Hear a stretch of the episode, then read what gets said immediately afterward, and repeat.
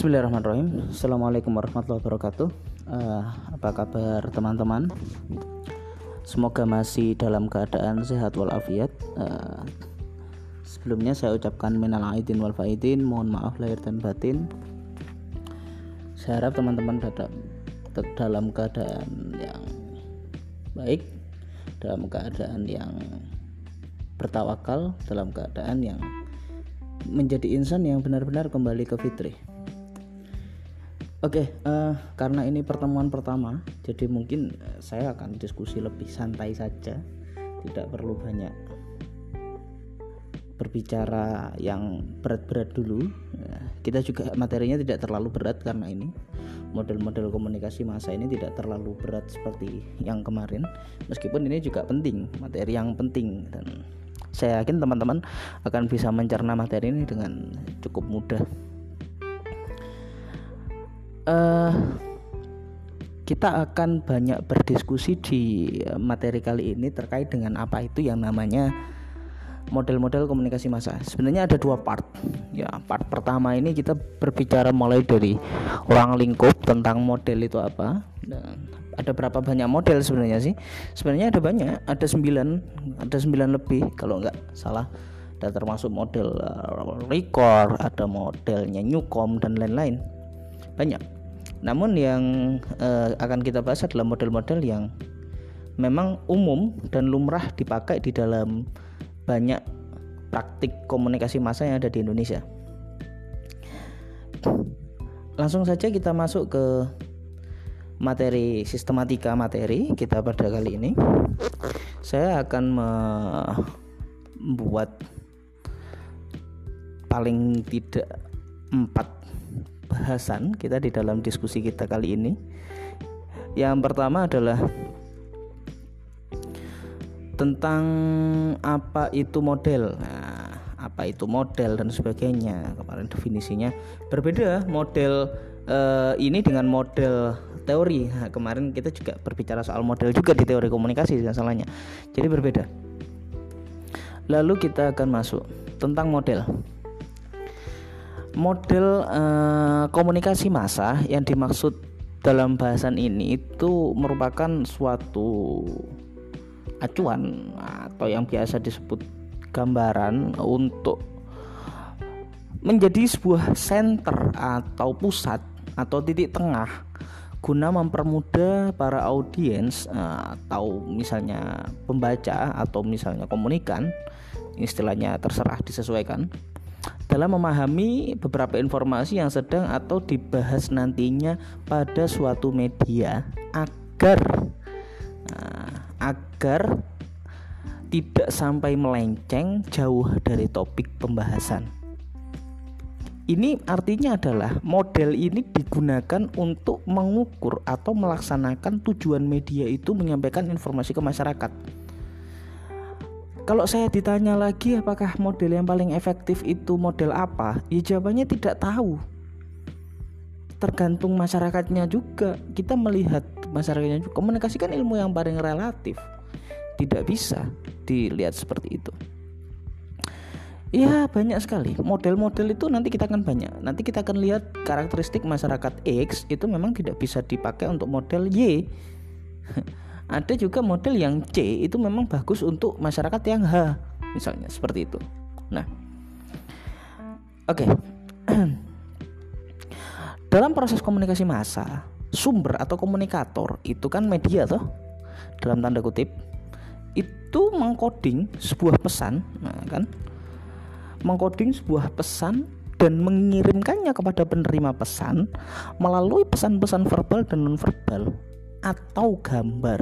Terserah. Pesannya seperti apa? Pesan-pesan ini kemudian dikoding dan dikirimkan kembali kepada sumber atau melalui umpan balik. Ini eh, gambaran umumnya. Ada yang memang tidak perlu umpan balik juga. Nah, nanti ada model yang malah dia tidak mengharapkan sebuah umpan balik. Ya, menarik menarik sekali itu dari gambaran di atas tampak beberapa karakteristik komunikasi massa yang meliputi komunikator atau sumber yang bersifat melembaga. pesan bersifat umum yang disampaikan melalui media halayak menerima pesan. Umpan balik dalam komunikasi massa bersifat tertunda dan tidak langsung. Ini kemarin uh, karakteristik dan efek mungkin kan kita berdiskusi di situ cukup banyak. Nah, uh, yang menjadi uh, titik temu di sini adalah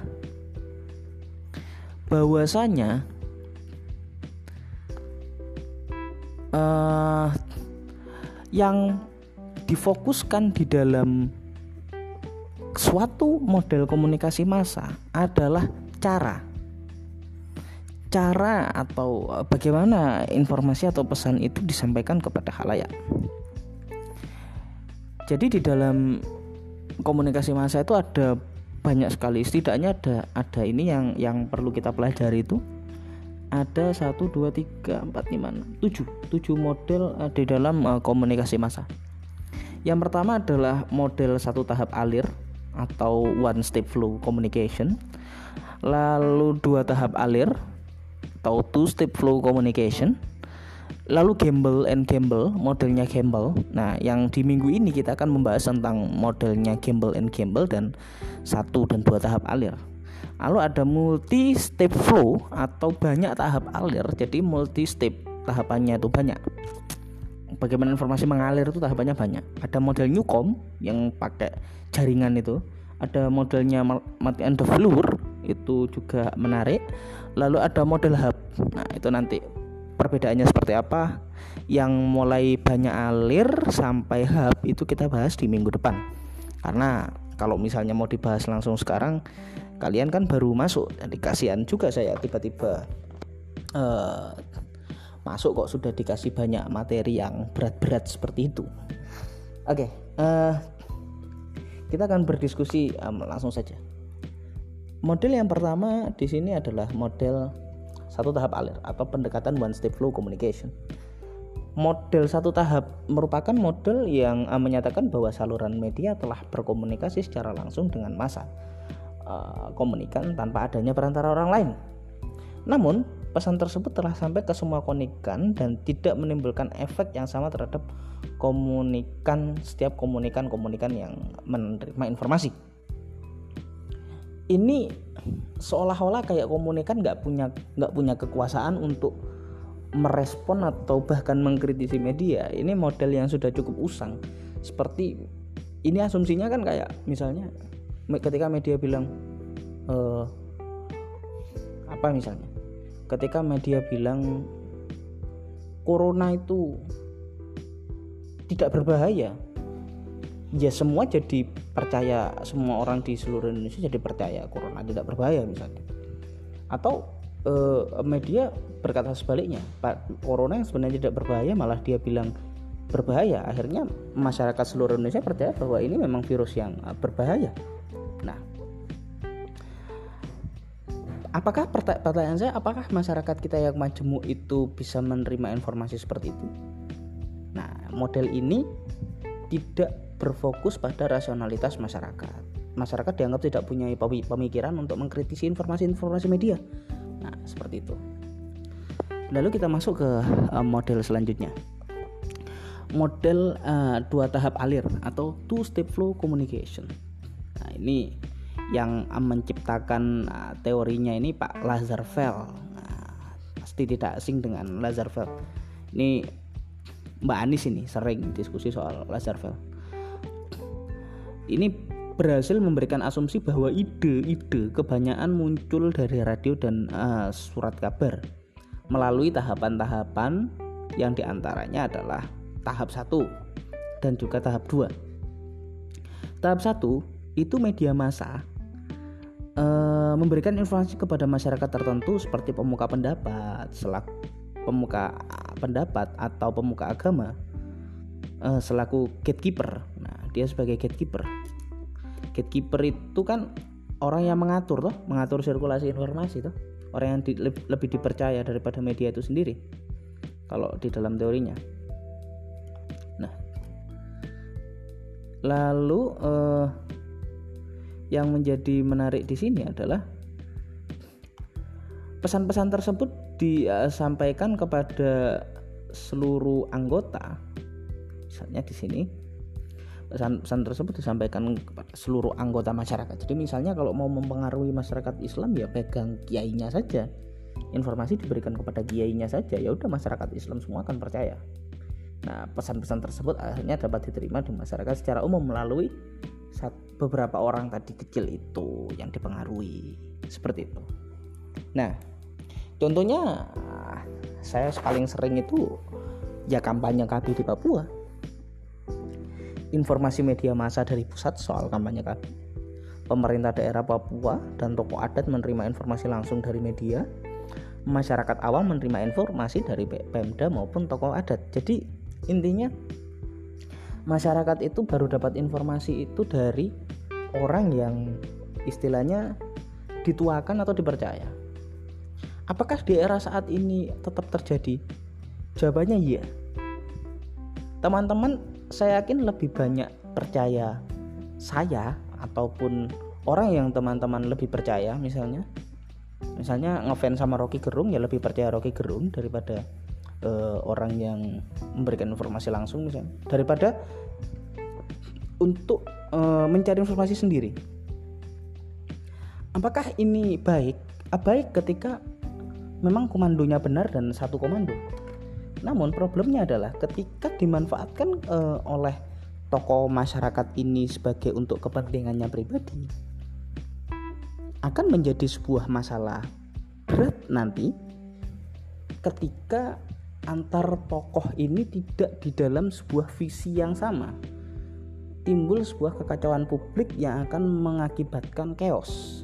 Ya contohnya tokoh-tokoh pimpinan uh, kubu pro Jokowi misalnya bilang memang corona ini tidak bisa diselesaikan seperti itu. Nah, dengan mudah memang ini masalah masalah publik. Tapi orang-orang yang kontra tokohnya kan mengkritisi habis-habisan presiden dan uh, akhirnya dimanfaatkan masyarakat dengan tagar Indonesia terserah dan sebagainya dan sebagainya itu. Itu yang menimbulkan kekacauan publik. Salah satunya adalah two step flow ini Step yang pertama itu terlalu banyak bias sehingga timbul ke masyarakat. Informasinya, dunia ini kan bergerak tiga dimensi misalnya. Problemnya adalah masyarakat kita tidak terbiasa untuk melihat tiga dimensi itu. Dia terbiasa melihat dari satu satu dimensi saja. Itu problemnya. Nah, itu yang nanti akan teman-teman kaji misalnya. Lalu kita masuk ke modelnya gamble and gamble Ah, ini tentang definisi-definisi ini teman-teman baca sendiri. Saya jelaskan ringkas cukup padat di sini.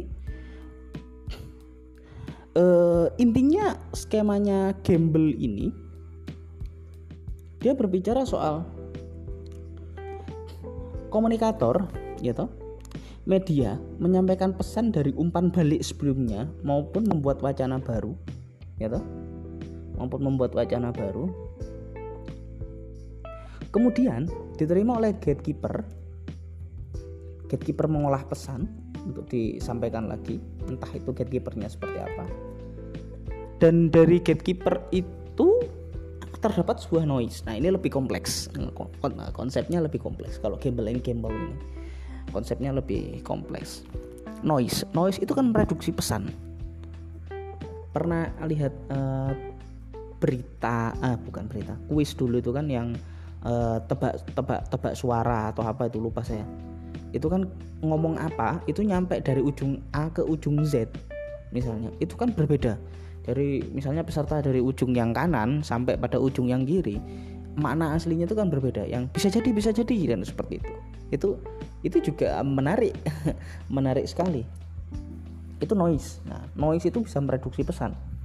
Lalu audien menerima pesan. Nah prosesnya ini dari komunikator ke audien itu wes kayaknya sudah berubah dari gatekeepernya itu berubah dari noise-nya berubah dan audien nah ini ketika kita pakai model yang pertama tadi kan sudah usang sudah tidak mungkin oh, kompleksitas komunikasi itu serumit itu.